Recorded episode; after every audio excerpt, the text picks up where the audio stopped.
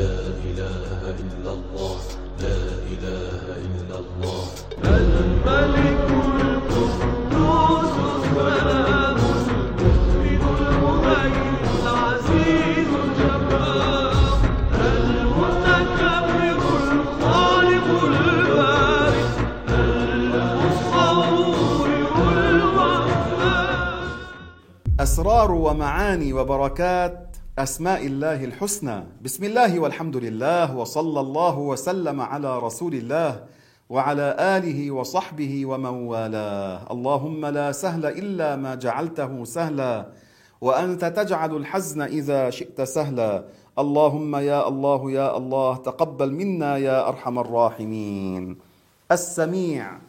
من أسماء الله تعالى السميع وهذا من أسماء الله الذي ذكر كثيرا في القرآن وفي الأحاديث النبوية الشريفة. وكما اعتدنا في هذا البرنامج المبارك أن نذكر شيئا من خواص هذا الاسم المبارك فكل اسم نذكر معناه وتفسيره وما قيل فيه وبعض الفوائد المتعلقة به. ونذكر ابتداء بعض الخواص التي ذكرها العلماء كما ذكر أبو منصور البغدادي والمناوي والغزالي وغيرهم كثير. يذكرون هذا. من جملة هذا أن من قرأ اسم الله السميع يوم الخميس بعد صلاة الضحى خمسمائة مرة بنية حسنة بلفظ صحيح كان مجاب الدعاء بإذن الله. عليكم بهذا السر وفيها بركة عظيمة. ما هو؟ أن يكون الشخص مجاب الدعاء هذا شرف كبير. إذا دعا يستجاب له. وهذا حصل لبعض الناس وجربوا هذه واستفادوا. بعد صلاة الضحى يعني لما تشرق الشمس بعد الشروق بقدر النصف ساعة بعد الشروق بقدر نصف ساعة يدخل وقت الضحى. ويمتد إلى الاستواء الذي هو يكون عند استواء الشمس في وسط السماء. هذا الوقت تقرأ فيه بعد أن تصلي ركعتي الضحى وهي سنة عن رسول الله صلى الله عليه وسلم خمسمائة مرة هذا الاسم السميع.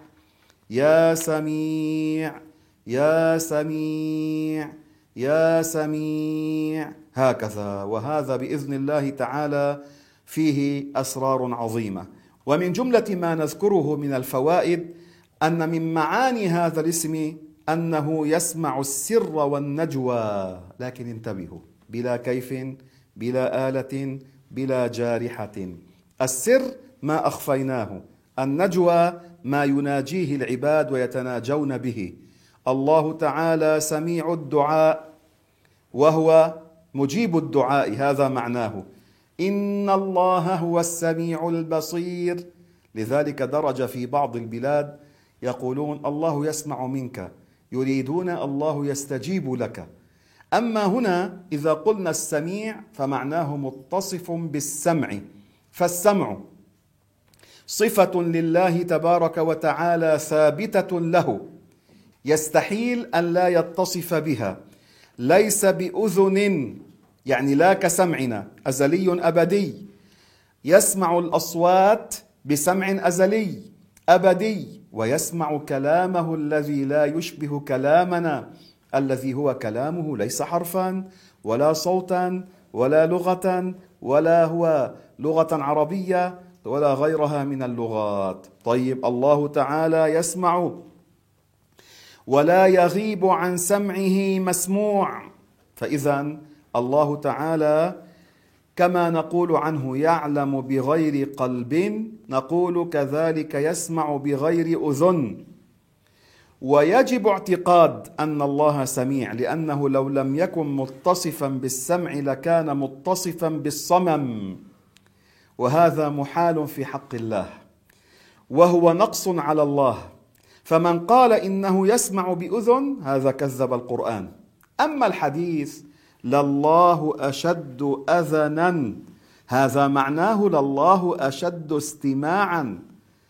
الأذن غير الإذن غير الأذن غير الأذان غير الآذان. كل واحدة لها معنى في لغة العرب. معناه الاستماع. فالله تعالى لا يغيب عن سمعه مسموع. وصفاته ليس لها ابتداء وليس لها انتهاء. ولا تزول. جاءت صحابية جليلة تسمى خولة بنت ثعلبة رضي الله عنها تشتكي إلى رسول الله صلى الله عليه وسلم زوجها. كان زوجها يعني لها عليه ملاحظات عمل امورا وهي أسرت بحديثها.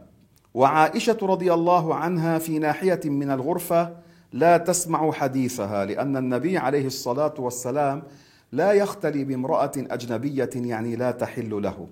فأنزل الله تعالى أوائل سورة المجادلة والمجادلة على النبي صلى الله عليه وسلم وفيها قد سمع الله قول التي تجادلك في زوجها وتشتكي إلى الله. والله يسمع تحاوركما.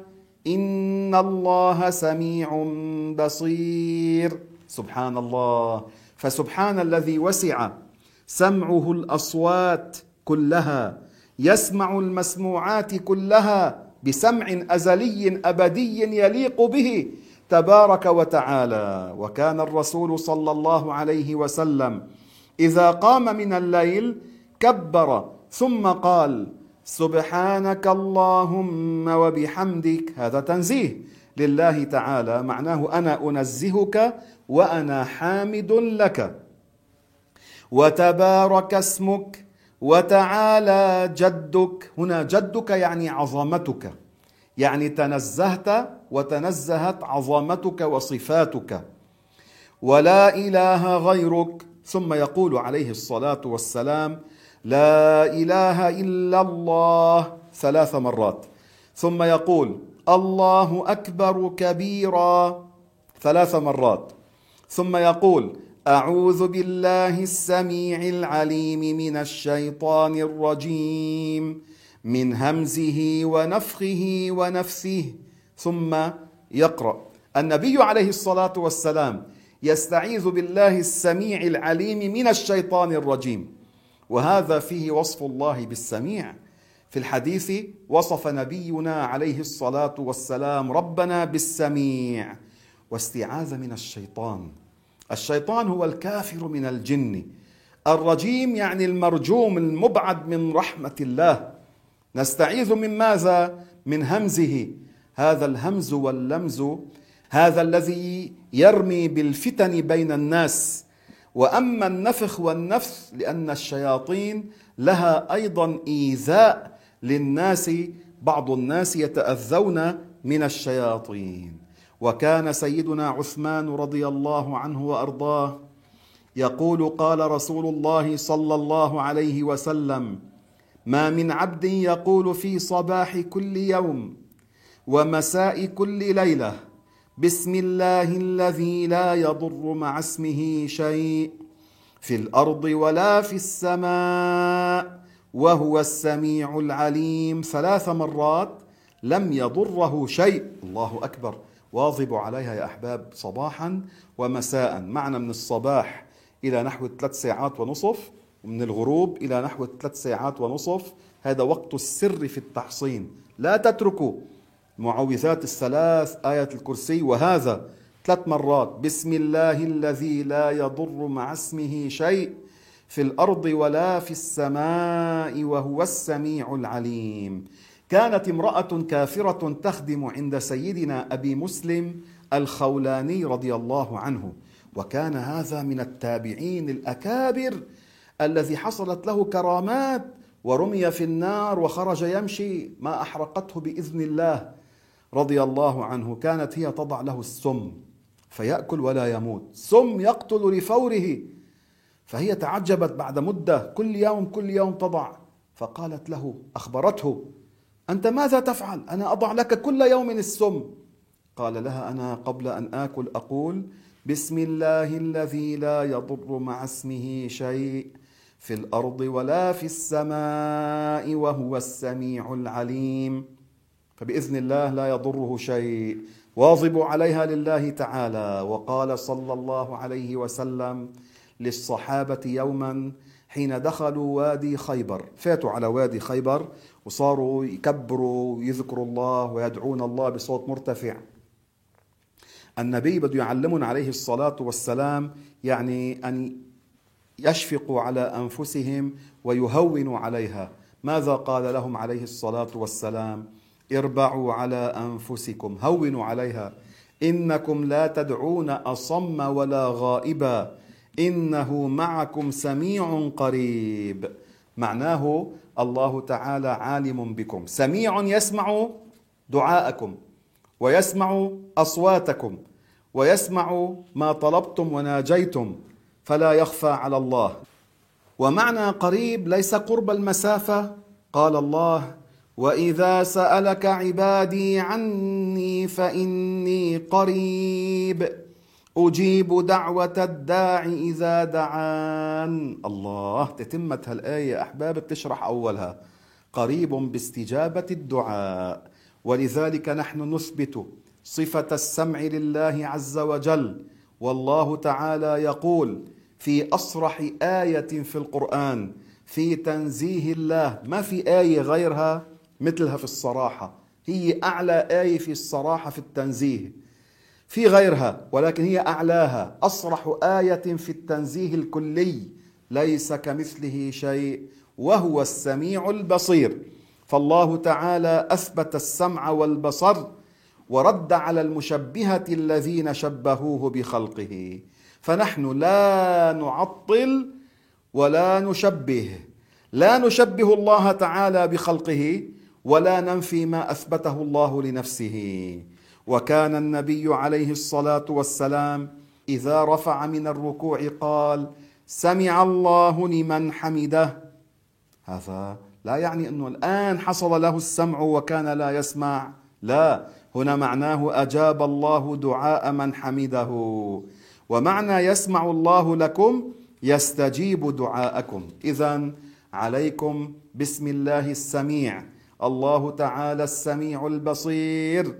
اللهم يا سميع يا مجيب الدعاء. اجعلنا مجاب الدعوة يا أرحم الراحمين. لا إله إلا الله. لا الملك